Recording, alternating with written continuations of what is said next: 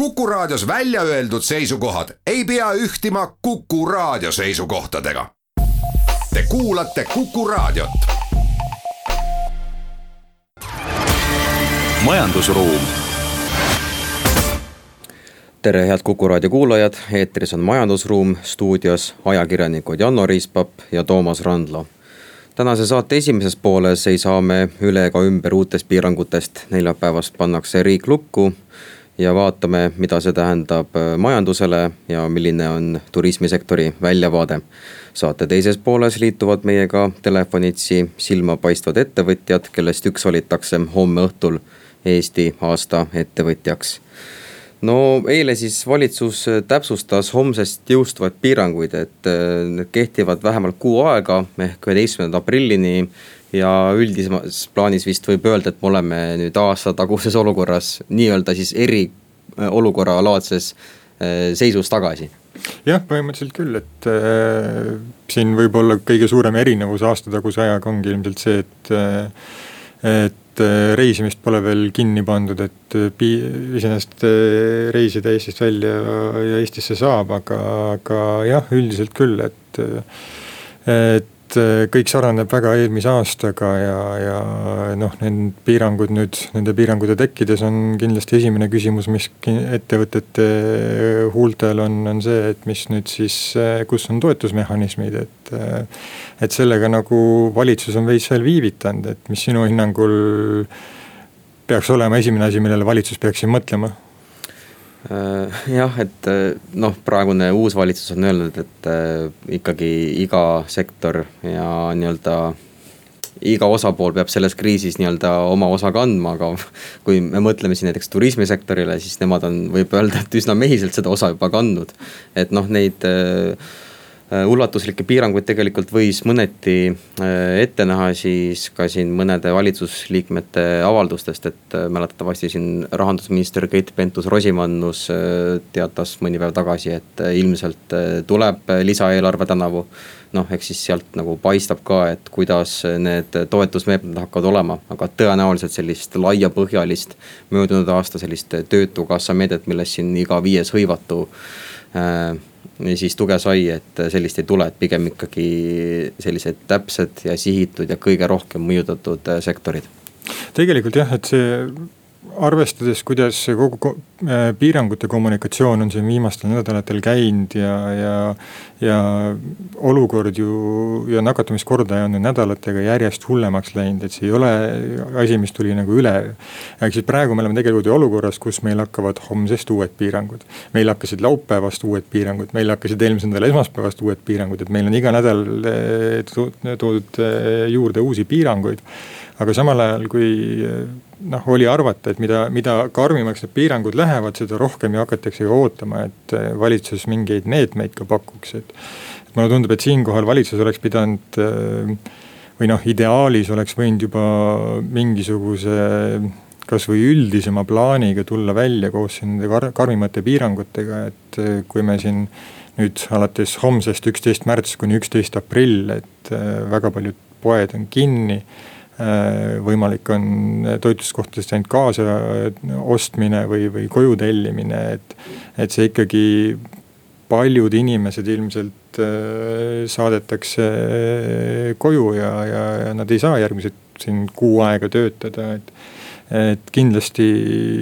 oleks vaja selget sõnumit valitsuselt, et mida siin nagu tehakse nende inimestega. jah, samas ma arvan, et selline kuuks ajaks nagu karmid piirangud võib-olla isegi mõnes mõttes paremad, et kui me mõtleme, et siin eh, detsembris hakkasid tulema siin nii-öelda üksikud eh, sektorid, eks ole, spaad, veekeskused Äh, või mingid muud asjad, eks ole, et paneme mingiks ajaks kinni ja siis teeme nende jaoks eraldi meetme, et hakkame neid seal toetama. ja siis mingi hetk lõdvendame, siis paari nädala pärast uuesti kinni, et äh, noh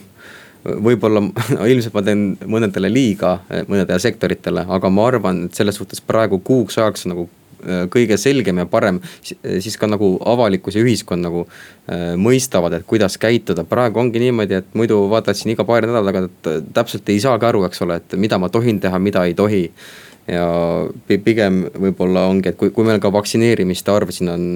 noh, vist on sada kümme tuhat inimest on vähemalt ühe doosi saanud et kui see tempo ka nüüd kiireneb, siis võib-olla äkki selle kuu ajaga nagu murramegi selle pandeemia noh, ma ei teagi, kolmanda laine vist selgroo ära ja saab nagu natukenegi paremini edasi minna ei jah, selles mõttes on sul õigus, et eh, noh, parem õudne lõpp kui lõputu õudus on ju, et noh, õudne lõpp siis praegusel juhul tähendab seda, et tulid karmimad piirangud äh,. aga noh, kui me vaatame jällegi, et kui halvas seisus me praegu oleme, et Euroopas me oleme Tšehhi järel teisel kohal nakatumiskordaja poolest, et. et äh, ma nüüd võib-olla olen siin pessimistlik, aga mina ausalt öeldes arvan, et jah, et praegu meil on kuuks ajaks need piirangud siin sisse viidud, aga aga siin juba teadlased on ka juba väljendanud, et ilmselt oleks vaja piiranguid maini ja ma arvan, et ilmselt läheb see nii, et, et need piirangud seal aprillis uuesti pikendatakse ja, ja ilmselt see nii-öelda eriolukorra laadne olukord kestab meil ilmselt maini, et see kindlasti jällegi tähendab ka seda, et valitsus peab siinkohal, siinkohal kindlasti ka pikemaid plaane tegema, mis puudutab majanduse toetamist ja, ja ettevõtete toetamist, kes, keda see puudutab. jah, et nakatumiskordaja Eestis on siin suurusjärk kümme korda suurem kui Soomes ja umbes kolm-neli korda suurem kui Lätis, et lähinaabritega võrreldes ikkagi noh, ikkagi vaatad natuke kadeda pilguga üle piiri, eks ole. et äh, noh, samas jällegi äh, siin peakski tulema lähiajal ka siis uus riigi, nelja aasta riigieelarve strateegia, võib-olla need arutelud, et siis saab juba selgemaks, et kuidas on meil nii-öelda vahendeid äh, ja kuidas me hakkame siis nii-öelda stimuleerima või siis nii-öelda turgutama neid sektoreid, mis sellise suurema löögi saavad. et noh, siin ka Äh, turismiliidu juht Tiit Pruuli ütles ka, et Eesti maine on siin saanud äh, sellise olulise löögi, et meid on hakatud kutsuma väikeseks haigeks paariariigiks. et äh, see ei ole ainult see asi, et me saame nakatumiskordaja alla ja siin turismisektor hakkab kohe taastuma, et tegelikult need numbrid ja pealkirjad ilmselt peletavad päris palju potentsiaalseid välisturiste ikkagi siin tükimaks ajaks Eestist eemale. see on väga valus tõde jah, milles me praegu oleme, et kui siin eelmisel aastal turismiettevõtjad lootsid ilmselt, et kevadel hakkab turism juba taastuma, siis eh, noh, kui ka laiemalt Euroopas olukorda vaadata, siis kui iga, igal pool teistes riikides või enamikes riikides läheb pigem see nakatumiskordaja alla, siis meil just liigub see praegu tõusutrendis, mis, mis tähendabki, et eh, turismiettevõtjate jaoks ilmselt suvi on noh, lootused, et sel, et äh, turistid siia tulevad, ilmselt on äh, väike, et kui me ka kasvõi meenutame eelmist aastat, äh, eelmist kevadet, kui Itaalias oli see olukord kõige, kõige tõsisem, siis kui suvel olukord nii Eestis kui ka Euroopas veidi leebus, siis isegi need, kes tahtsid välismaale minna, siis ülemäära palju just neid ei olnud, kes Itaaliasse tõttasid, sest see paneb ikka korraliku märgi külge, kui seal selline noh, halvasti öeldes koroonapesa. jah, et eh, noh, kui, kui me mõtleme, et siin möödunud aastal, eks ole, eh, nakatumiskordaja siin saja tuhande inimese kohta eh, võis olla kuni kakskümmend viis et üldse mingisuguse sihtriigiga uut lennuühendust nii-öelda taas avada. et praegu see Eestis on siin, ma ei tea, suurusjärk tuhat kolmsada vist, et siis. et kas on, et kumma, kummal aastal siis nagu see meede oli ebaproportsionaalne, et see on selline küsimus. aga turismisektori käekäigust räägime lähemalt pärast lühikest pausi. majandusruum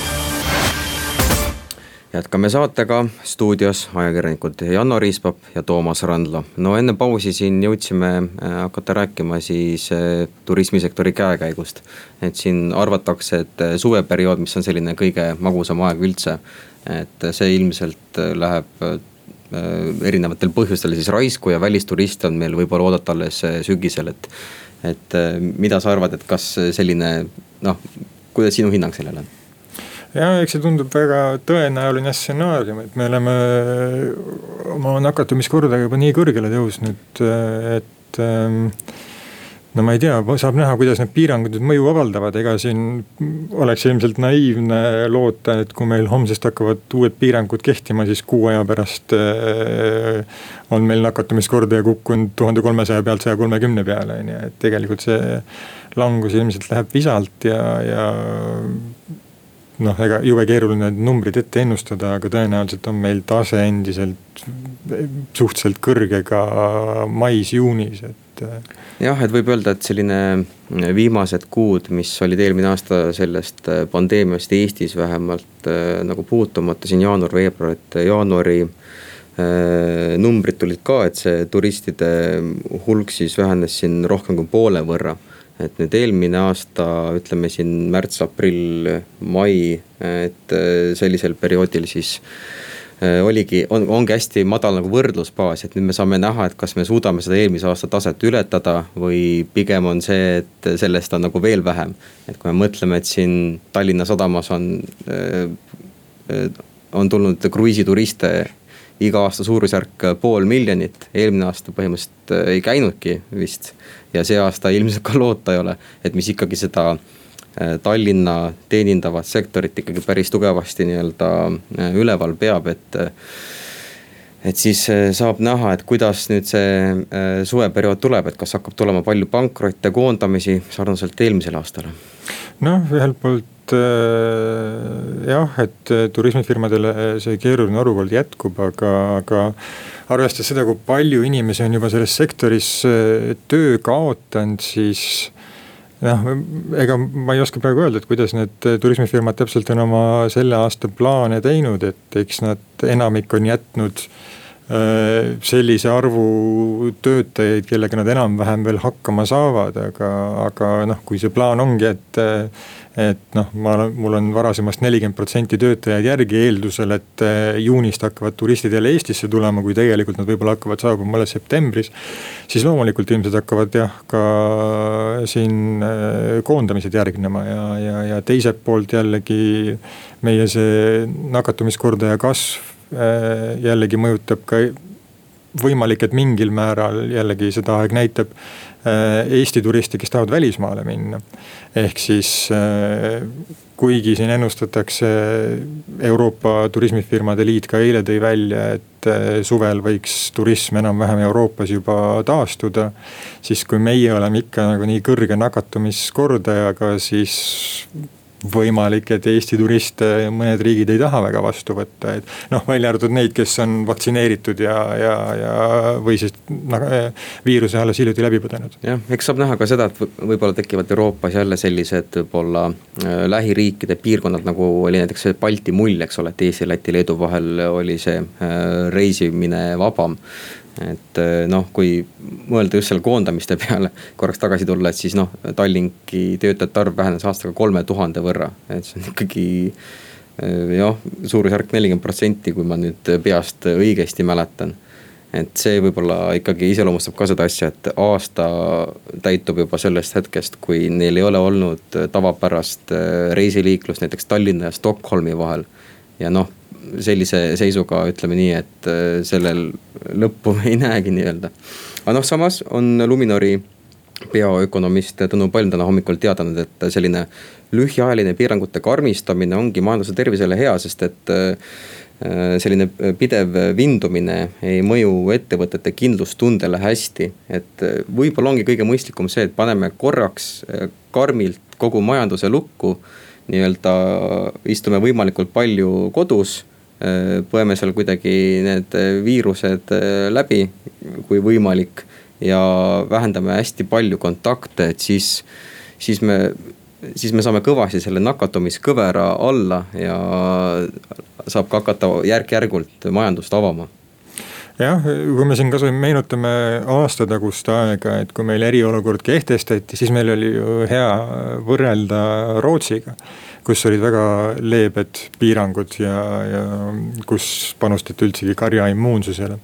ja kuigi me ilmselt eriolukorra ajal vaatasime Rootsit kadedusega, et inimesed said endiselt kohvikutes käia ja, ja vabalt liikuda siis äh, eelmise aasta juunis, kui meil oli juba olukord äh, vägagi hea, siis Rootsi endiselt vireles seal. ehk siis tegelikult noh, loomulikult tagantjärgi võiks muidugi öelda, et võib-olla Eestis oleks pidanud ka varem mõtlema karmimatele piirangutele, et eh, kindlasti, mis, mis, mis mind paneb ka mõtlema, on see, et. kui Läti siin pakkus äh, abi, et võib äh, Eestit aidata koroonapatsientide ravimisel äh, ja, ja Tanel Kiik ütles, et. et kui asi läheb hullemaks, siis küsitakse abi ka Soomelt siis muidugi nii Soome kui Läti on olnud võrdlemisi äh, karmide piirangutega. seega huvi, huvitav on äh, see, et kuidas soomlased ja lätlased tunnevad ennast olukorras, kus Eesti tegelikult väga pikalt oli väga leebete piirangutega, inimesed said vabalt liikuda, samal ajal kui nemad pidid seal kodudes istuma. ja nüüd siis Eesti on äh, nii tõsises olukorras ja, ja, ja nüüd nemad peavad hakkama veel meid aitama jah, et äh, kui mõelda veel ettevõtlussektorile, siis võiks eeldada, et mõnevõrra on juba nagu kohandutud selle äh, olukorra ja viirusega, aga samas noh, kui sa ikkagi oled nii-öelda reisijate liikluse või siis äh, nii-öelda teenindava sektori ettevõte, siis ilmselt sul enam väga palju ei ole kuskil neid sääste võtta, et seal võib-olla isegi nagu laenud juba peale võetud. ja mitte kuskilt ei ole enam neid ressursse ja vahendeid, et seal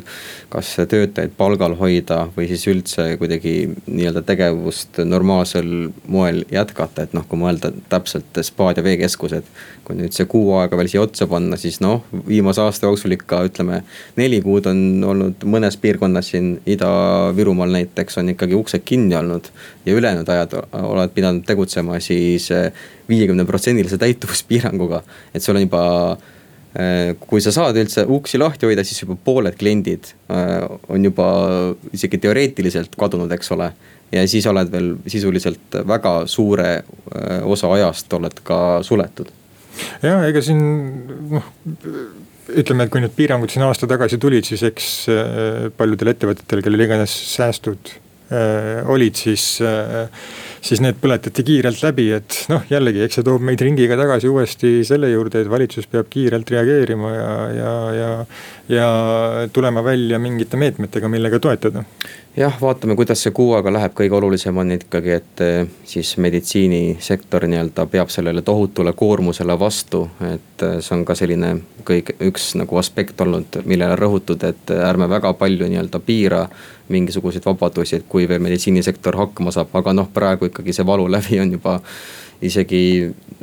ületatud, võib öelda. et see on ka võib-olla selline sõnum siis inimestele ja ühiskonnale. Aga kuulame vahepeal uudiseid, jätkame pärast pausi, kui meiega liituvad telefoni teel viis ettevõtjat, kellest üks valitakse homme Ernst and Youngi Eesti aasta ettevõtjaks. majandusruum jätkame saatega, stuudios ajakirjanik Janno Riispapp. audiitorifirma Ernst and Young valib juba kolmeteistkümnendat korda Eesti aasta ettevõtjat. tänavuse tiitli saaja tehakse teatavaks homme õhtul. Sarnaselt möödunud aastaga toimub aasta ettevõtja gala pisut teisiti. auhindamisel osalevad vaid finalistid ja konkursi žürii üks liige eelmisel aastal valiti Ernst and Youngi Eesti aasta ettevõtjaks tehnoloogiafirma Veriff asutaja ja tegevjuht Kaarel Kotkas sel aastal on viie finalisti seas ettevõtjaid sektoritest, mida on peetud pandeemia võitjateks, näiteks tarkvaraarenduse ja meditsiini valdkonnast, aga ka puidu- ja rõivatööstusest. Küsime, kuidas neil möödunud aastal läks ja millised plaanid on neil lähitulevikus üks silmapaistev ettevõtja on silmalaseri erakliiniku asutaja, doktor Kai Noor. tervishoiusektoril on kõigile arusaadavatel põhjustel selja taga väga raske ja töine aasta. milliseid väljakutseid või võimalusi on see silmalaseri erakliinikule esitanud? no jaa, eelmine aasta oli selles mõttes tõesti väljakutsete aasta, aga ma ei tea, mis seitsmes mehel meile enne ütles, et me peaksime eh, oma elu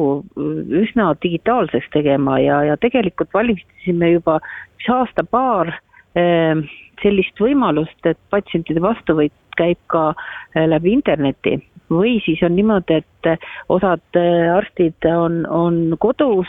Eh, meil õed teevad uuringut ja, ja saame informatsiooni anda edasi. ja üllatus-üllatus, kui märts ja aprill Eesti pandi sisuliselt lukku, siis tuli võtta siis jalad välja ja hakata läbiproovitud asju teoks viima. Nii et, et ta on olnud nagu omamoodi väljakutseks ja, ja ma arvan, et me oleme saanud kogemust, me oleme oma kollektiivi tugevaks teinud ja, ja, ja jah, ma arvan, suure kogemusega kas te näete ka oma igapäevatöös, et pandeemia ajal on inimesed hakanud oma tervisele rohkem tähelepanu pöörama? ja, ja ei, et,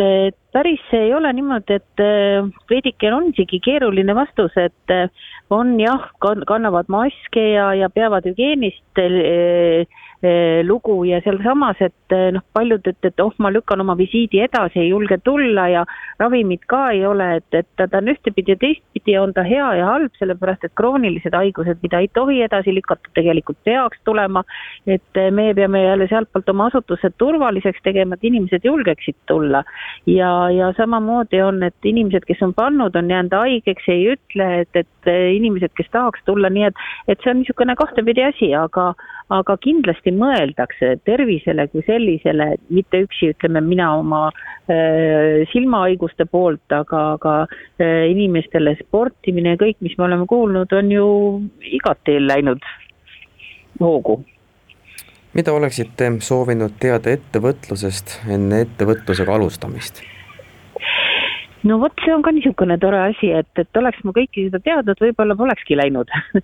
Et mõnes mõttes, et äh, alati meeldivad väljakutsed ja, ja, ja ütleme, et niisugune huvi oleks äh, olnud võib-olla vähem, kui ma oleks rohkem teadnud, et teatud bürokraatiat ja kõike on, aga, aga, aga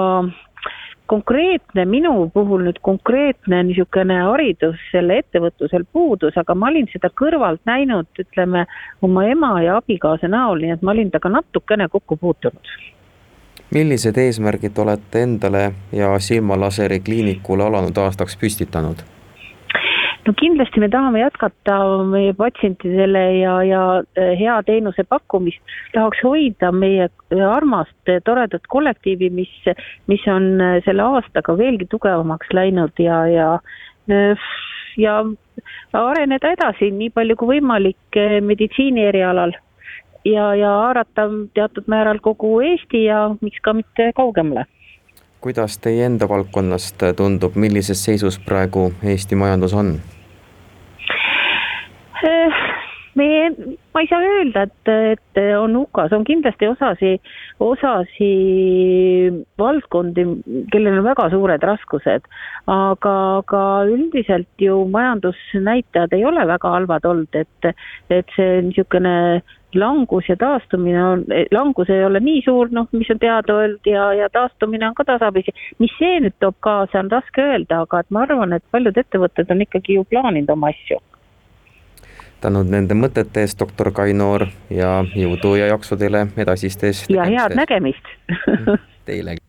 nüüd on meil liinil aasta ettevõtja finalist, tarkvarafirma Scoro asutaja ja tegevjuht eh, Fred Krieger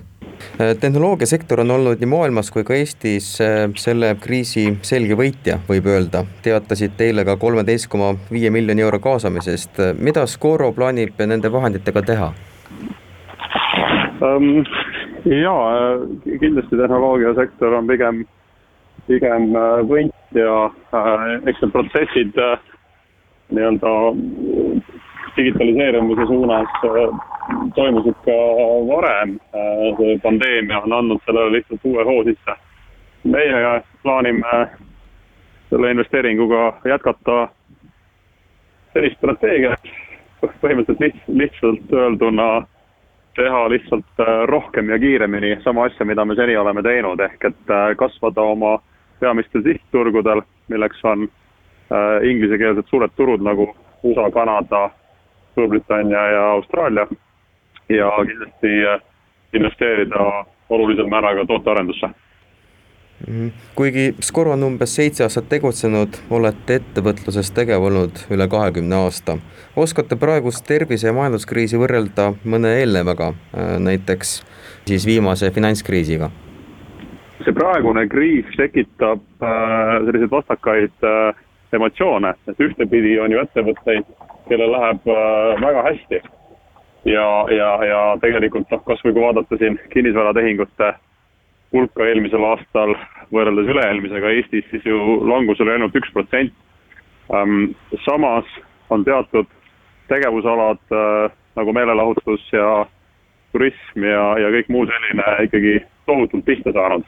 nii et äh, ma arvan, et selle praeguse kriisi kõige suurem erinevus ilmselgelt ongi see, et ta, äh, et ta, et, et kui vana kriis mõjutas kõiki enam-vähem võrdselt, siis praegu on väga suuri võitjaid ja, ja ka ikkagi väga, väga suuri kaotajaid millise hinnangu annaksite praegusele Eesti majanduse käega, käigule või kuidas võiksid edasi minna? noh, ma arvan, et Eesti üldiselt on suhteliselt hästi sellega hakkama saanud, et eh, eks, eks lihtne on kritiseerida valitsust ja kedagi kolmandat. Eh, aga ilmselge on ka see, et, eh, et see pandeemia on midagi sellist, mida keegi meist oma eluajal pole näinud. ja, ja kui üldisi makroökonoomilisi näitajaid vaadata, siis tundub, et, et kindlasti on, on langus ähm,. aga, aga noh, loodetavasti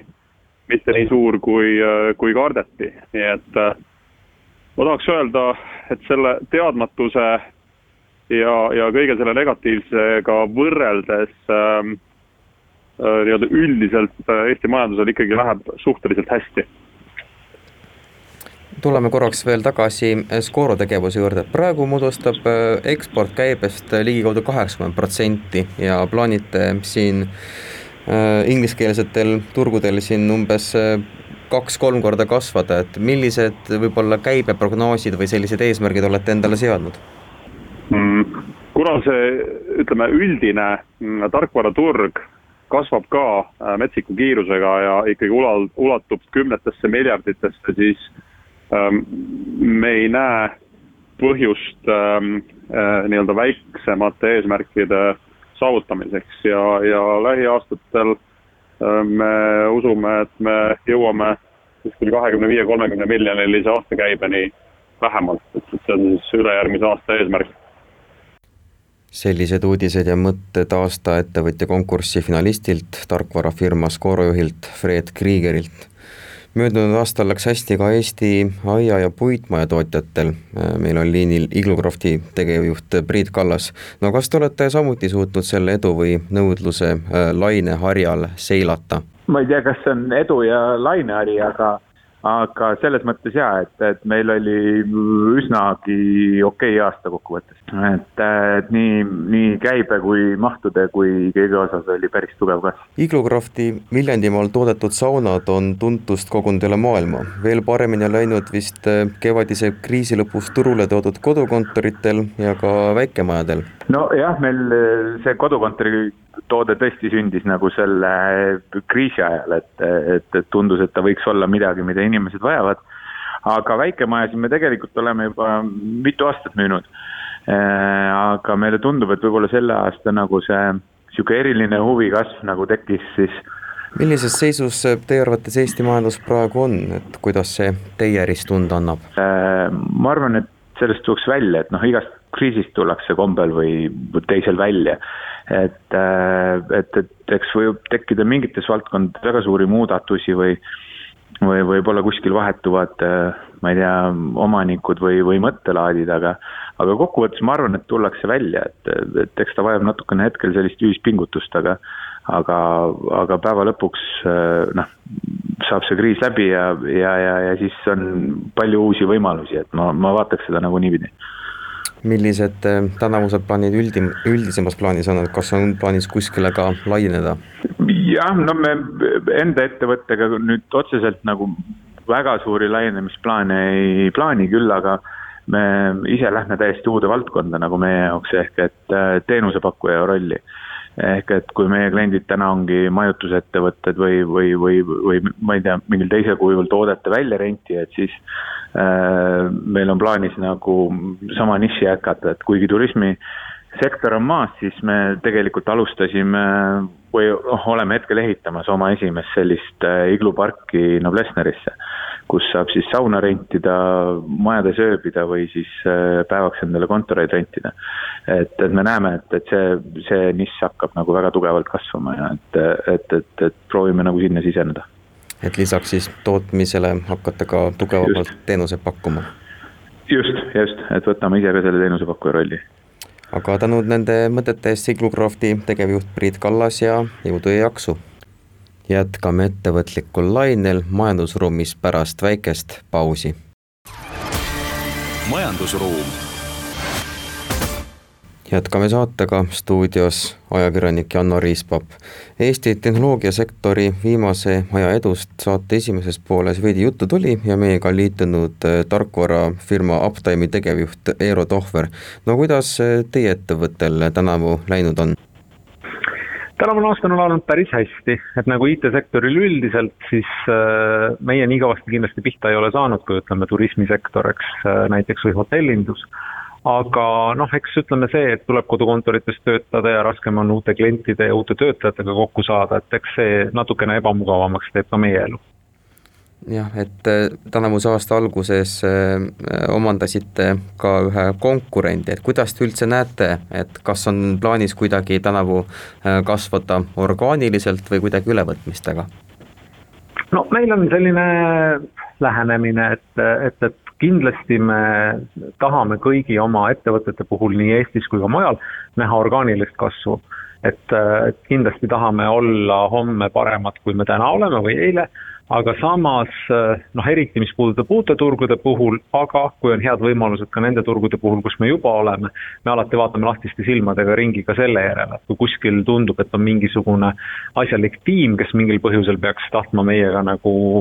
kambas edasi koos eh, minna, siis me, siis me kindlasti vaatame ka selliste võimaluste järele. Teie tegevusgeograafia on päris lai, et tegutsete Norras, Taanis, Poolas, kui ma ei eksi, siis ka Põhja-Makedoonias, et oskate öelda, et kas teenuseid on lihtsam müüa eestlastele või välismaalastele? See on küll hea küsimus, et äh, noh, ma ütleks niimoodi, et kõik turud on tegelikult äh, erinevad et äh, nad ei ole nüüd võib-olla selles mõttes nagu kardinaalselt erinevad, et, et kõigil turgudel me ikkagi pakume, eks ole, tarkvaraarendusteenust oma pikaajalistele klientidele. aga sellised ostuprotsessid ja inimeste suhtumised on igal, igal pool erinevad, et noh, võib-olla selles mõttes on Eesti loomulikult natukene nagu lihtsam, et siit me oleme ise pärit ja seda äri siin ka kõige kauem teinud aga et noh, see on ka see põhjus, miks me, miks me ikkagi nii-öelda nendel kohapealsetel turgudel väga selgelt loodame oma kohalike kohalike juhtkondade peale, et nemad samamoodi on nagu seal, tunnetavad seda turgu nagu palju paremini. et ma arvan, et sellist ühest vastust, et äh, Eestis on lihtne ja mujal on keeruline või vastupidi, et seda, seda nagu anda ei saa, aga omad trikid on igal turul millised eesmärgid olete endale äh, ettevõtjana või siis ka ettevõttele äh, käesolevaks või ka järgmiseks aastaks seadnud? noh, ütleme niimoodi, et suures pildis me ikka lähtume sellest, et me tahaks nagu iga aasta olla nagu paremad, kui me eelmisel aastal olime et, äh, et see on nagu selline meie võib-olla kõige üldisem nagu juhtimisprintsiip, et iseenesest täpselt selliseid nagu mingeid eesmärke, et me tahame olla nüüd kindlasti kümne aasta pärast kümme miljonit või sada miljonit või mida iganes, eks. et sellesse me isegi nii nagu väga ei usu, et me pigem usume selliste samm-sammulisse arengusse. et äh, loodame, et see aasta tuleb parem kui eelmine ja, ja nii ka edaspidi kuna tegutsete mitmes ettevõttes, siis oskate võib-olla, äh, tähendab mitmes riigis, siis võib-olla oskate öelda, et äh, kuidas äh, Eesti majandusel läinud on viimasel ajal ja kuidas võiks edasi minna? Mulle tundub, et Eesti majandusel on läinud suhteliselt hästi, et, et nii nagu meie enda firmal, nii ka Eesti majandusel tundub, et on läinud oluliselt paremini, kui me kartsime et selge see, et, et ega sellised kriisid kindlasti jätavad nagu oma jälje. aga, aga mulle tundub iseenesest nagu, et selline Eesti üldine suhtumine sellesse kriisi on ikkagi jäänud selliseks suhteliselt mõistlikuks, võrrelduna võib-olla mõningate teiste riikidega, kus see, kas või seesama mingisuguste laenude võtmine ja muud taolised asjad on minu arvates läinud ikka nagu väga julgeks ja väga agressiivseks suur tänu nende mõtete eest, tarkvarafirma Uptime tegevjuht Eero Tohver. Lasterõivaste tootja Breden Kiits, asutaja Merle Leemet on meil nüüd liinil. Eesti rõivatööstusel on viimased ajad olnud küllaltki väljakutseterohked, kuidas äh, teie ettevõttele uus aasta alanud on? ma võiks öelda, et aasta kaks tuhat kakskümmend üks on alanud meil tugevamalt kui eelnevad aastad. Ähm, ja seda peamiselt just seetõttu, et aasta varem sai tehtud päris palju suuri muudatusi ja otsuseid tulenevalt kevadisest kriisist ja need otsused hakkavad vaikselt vilja kandma, et me oleme, võiks öelda, et me oleme oluliselt efektiivsemad, tulemuslikumad ja, ja kindlasti mm, jätkusuutlikumad praegu ostavad Bredeni lasterõivaid peamiselt eestimaalased, kuid soovite tugevamalt murda ka välisturgudele. kuidas eh, see edenenud on?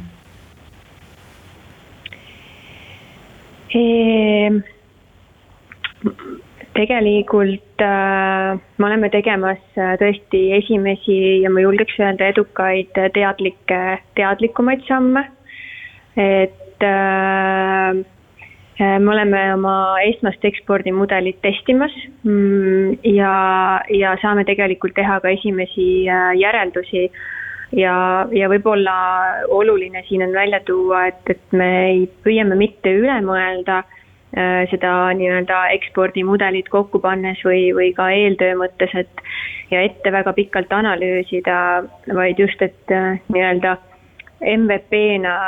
Äh, minna erinevaid turge testima ja võtta sealt äh, kiired õppetunnid ja, ja kiirelt ka kohandada. et äh, selline jah, miinimum viable product'i ideelaadne lähenemine on meil täna eksportturule. Kiired kogemused ja kiired muudatused vastavalt. millised turud praegu kõige rohkem sihikul nii-öelda on?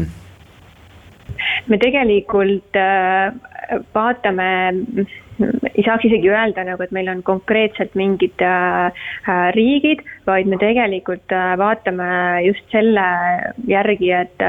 kuidas on sellel